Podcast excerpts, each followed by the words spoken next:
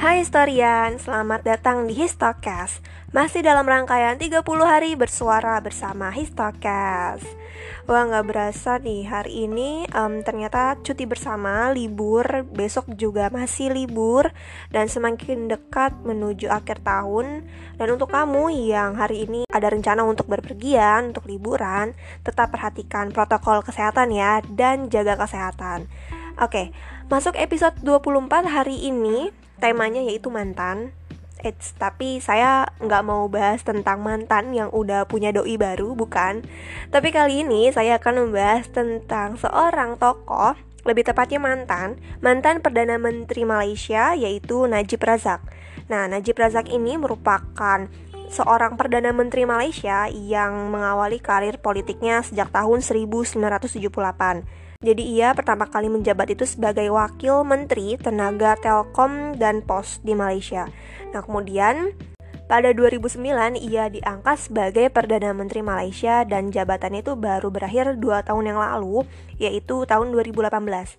Nah, kenapa saya bilang 2018 itu merupakan jabatan terakhir? Karena di tahun 2018 Najib Razak ini bisa dibilang hmm, ada satu kasus di mana tahun 2018 ini menjadi tahun politik terakhirnya karena dia ternyata punya kasus korupsi. Korupsi di sini itu berbentuk penyelewengan dana sekitar 42 juta ringgit.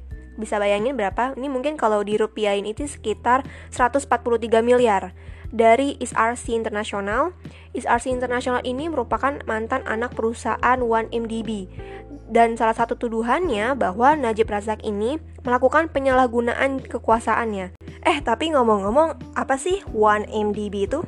Jadi, 1MDB itu adalah One Malaysia Development Berhad, yaitu semacam campaign yang didirikan untuk menggalang dana untuk pembangunan Malaysia dan biasanya ini membantu juga rakyat Malaysia yang hidup dalam kemiskinan.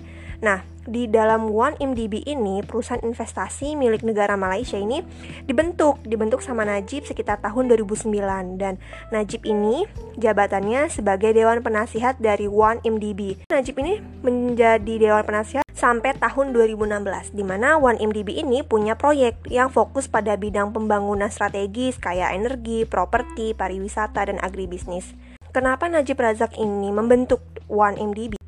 Pada saat mendirikan One MDB, sebenarnya Malaysia ini nggak punya cukup dana untuk mendirikan sebuah campaign dan lembaga ini. Akhirnya um, dari pengelola One MDB ini berusaha untuk menggalang dana dengan cara menjual obligasi dan melakukan beberapa usaha gabungan atau istilahnya joint venture.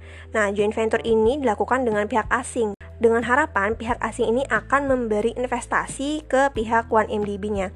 Tapi sayangnya historian, dana yang terkumpul di dalam campaign 1MDB ini sebenarnya sayangnya udah diseleweng ya dikorupsi lah. Jadi dari pihak-pihak kejaksaan dan pemberantas korupsi Malaysia ini ternyata mencium-cium bau korupsi di mana uang tersebut itu mengalir ke beberapa individu dan salah satunya yaitu Najib Razak. Jadi orang-orang selain Najib Razak juga diduga menerima uang dari 1MDB termasuk eh, orang-orang ini nantinya membeli barang-barang mewah kayak real estate, kapal yacht, jet pribadi dan ini termasuk salah satu dari tindakan pencucian uang. Nah, di sini mantan Perdana Menteri dari Malaysia Najib Razak ini terbukti menyalahgunakan uang dan wewenang jabatannya dan ternyata historian parahnya adalah Najib ini terbukti menyalahgunakan uang dan wewenang yang udah dia punya dan jabatannya apalagi sebagai dewan anggota dari UAN MDB selama lima tahun dan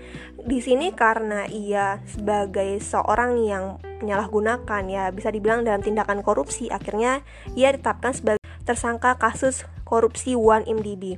Jadi Najib Razak ini didakwa bersalah dan dijatuhi hukuman pada pasal 23 Undang-Undang Komisi Pemberantasan Korupsi Malaysia. Jadi bisa dibilang Datuk Seri Najib Tun Razak atau yang kita kenal dengan Najib Razak ini dinyatakan bersalah. Jadi ia didakwa 7 tuntutan di mana kasus 42 juta ringgit atau sekitar 143 miliar rupiah dari ISRC Internasional dalam persidangan korupsi di mana ini 42 juta ringgit itu sebesar 143 dana yang ia selewengkan sebagai tindakan cuci uang dan juga tindakan penyalahgunaan jabatan. Dan dari sini Najib Razak dijatuhi hukuman sekitar 12 tahun penjara sebagai ganjaran dari perbuatannya. Nah, sebagai gantinya, karena ia ketahuan sebagai seorang Perdana Menteri yang melakukan korupsi, di tahun yang sama sebenarnya tahun 2018 itu ada pemilihan umum untuk memilih Perdana Menteri Malaysia. Nah, akhirnya Najib Razak ini sebelum terkuaknya kasus korupsi, ia menyalonkan diri sebagai Perdana Menteri Malaysia dan lawannya dari pihak oposisi ini ada Mahathir Muhammad. Tapi ternyata pada saat pemilu Mahathir Muhammad ini yang berhasil menang. Dan akhirnya Najib Razak ini kalah dan beberapa bulan kemudian baru deh ketahuan kasus korupsinya. Dan akhirnya setelah Najib Razak ini dijatuhi hukuman 12 tahun penjara akhirnya sekarang ini yang menjadi Perdana Menteri Malaysia yaitu Mahathir Muhammad. Dan terima kasih telah mendengarkan Histokes pada episode hari ini. Sampai jumpa